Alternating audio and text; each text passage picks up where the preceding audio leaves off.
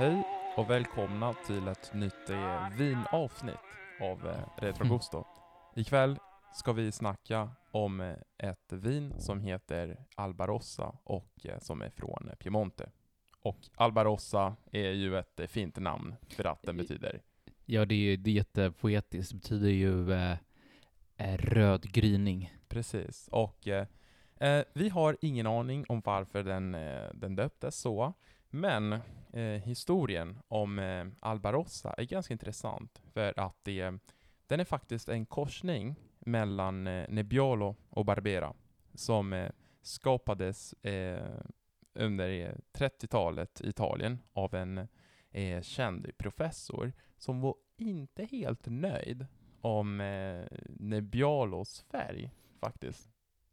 Nej, men han tyckte ju att färgen på, på Nebbiolon var, var lite så här gråaktig när den åldrades. Så att även om han tyckte om smaken väldigt mycket tyckte han att det reflekterade liksom inte hur livliga eh, smakerna och dofterna var. Så att han ville ju piffa upp den lite. Precis, och eh, eh då skapades eh, Albarossa i, i labbet och eh, men eh, den har inte eh, planterats eh, tills eh, 70-talet eller något sånt, eh, där man har börjat att kultivera eh, Albarossa. Och det är bara sedan eh, eh 2000 faktiskt som eh, Albarossa har blivit en eh, eh, officiell vindruva av, eh, av Piemonte. Och eh, det finns väldigt, det området där Albarossa odlas är väldigt begränsat. Därför är, är det här vinet eh, lite, lite speciellt. Ja, det är helt klart ett nischvin. Ja, precis. Men nu ska vi till eh, vinprovning. Och eh, här har vi ett eh, glas, eh, fint eh, Albarossa som jag tog eh, direkt från Italien. Och vi kan konstatera faktiskt att färgen är, är väldigt fin. Ja, den är, den är väldigt djupröd. Det, Det, det måste man säga. Men det finns absolut ett litet så här eh, rubinaktigt skimmer. ja, Och det, det är just det som professorerna vill uppnå. exakt. Och det kommer ju också från, eh, från Barbera di, di Alba, vilket är en av de stora druvorna i Piemonte. Precis. Som har Och, ganska mycket eh, då jordgubb i smaken, Precis. som ger en lite rödare färg. och den här Albarossa är från eh, 2012, eh, som betyder att den har lagrats i åtta år, som det är ganska gammalt. Och Och det ser man om man smakar det. Precis. Och, och nu ska vi eh, testa eh, lukten. Eh. Mm. Alltså det är... Wow Nino. Intens. Riktigt. Verkligen. Det är, eh, och man känner ju såna här eh, inslag av eh, små bär. Alltså jag känner faktiskt blåbär, definitivt. Jag ska säga att f- för mig så är det mest striking eh, absolut eh, jordgubbarna, men blåbär skulle jag säga, men, men även eh, lite mer subtilt eh, björnbär. Ja, precis.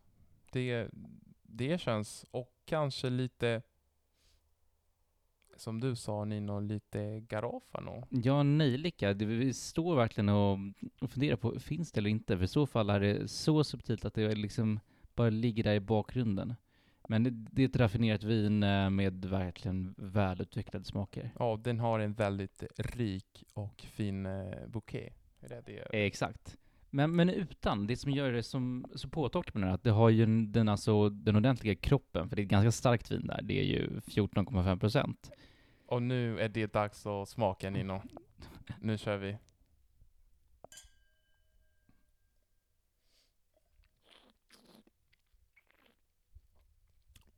Mm. Det är en upplevelse, skulle jag påstå. Vad tycker du Nino? Ja, så smaken hänger kvar i munnen, eh, hur man ska säga, persistenza som det heter på italienska.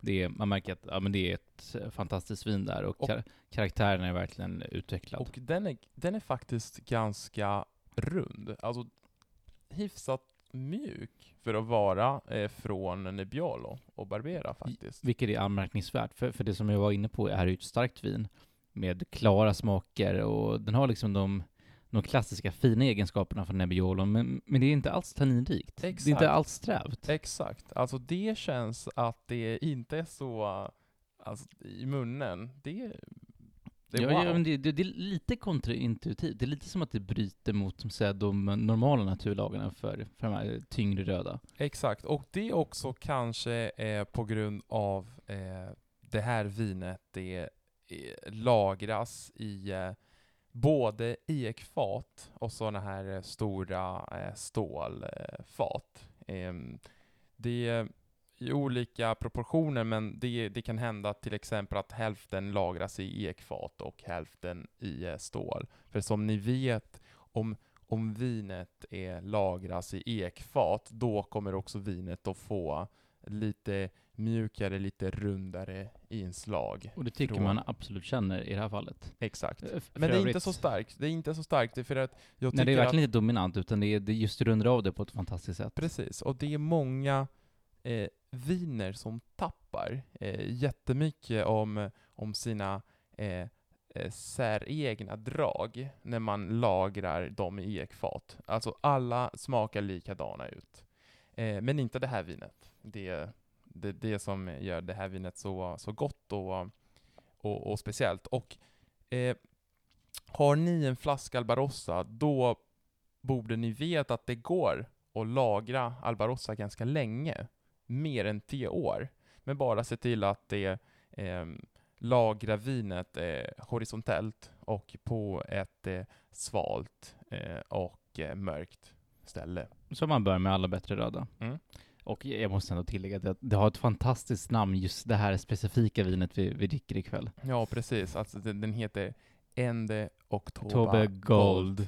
Ja, så, eh, så fint det och poetiskt. Och dricka också i oktober känns det riktigt passande. Det känns som att det är lite så här stars aligned och framförallt med den fantastiska maten idag. Precis, för vi har, eh, eh, vi har haft en jättefin middag eh, med eh, vildsvin ragu. För att det, det här vinet, är, alltså det här fantastiska vinet, det ska drickas med ordentliga kötträtter, Nino. Jag ska säga att vinet tar tid att lagra och matlagningen borde ta lite tid. Jag skulle säga lite mer kraftiga ja, kötträtter. Det kanske går väl också bra till, till lamm och liknande, men jag tror att just vildsvin som har en så distinkt och rik smak. Ja, och vilt, Gärna, gärna, med, ja, men gärna med lite örter, ja, men gärna vilt eller liksom ja, nöt. vilt generellt är Men lång tid och mustigt skulle jag säga. Precis.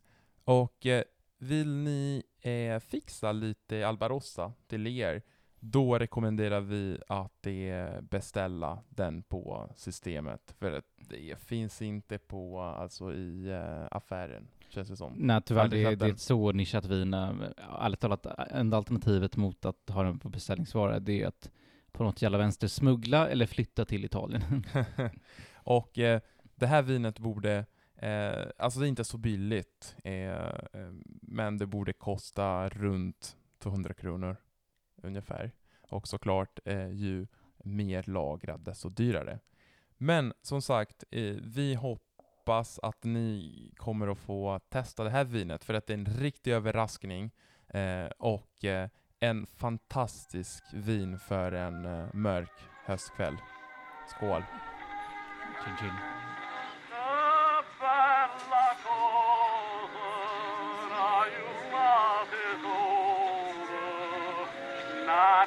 Awesome.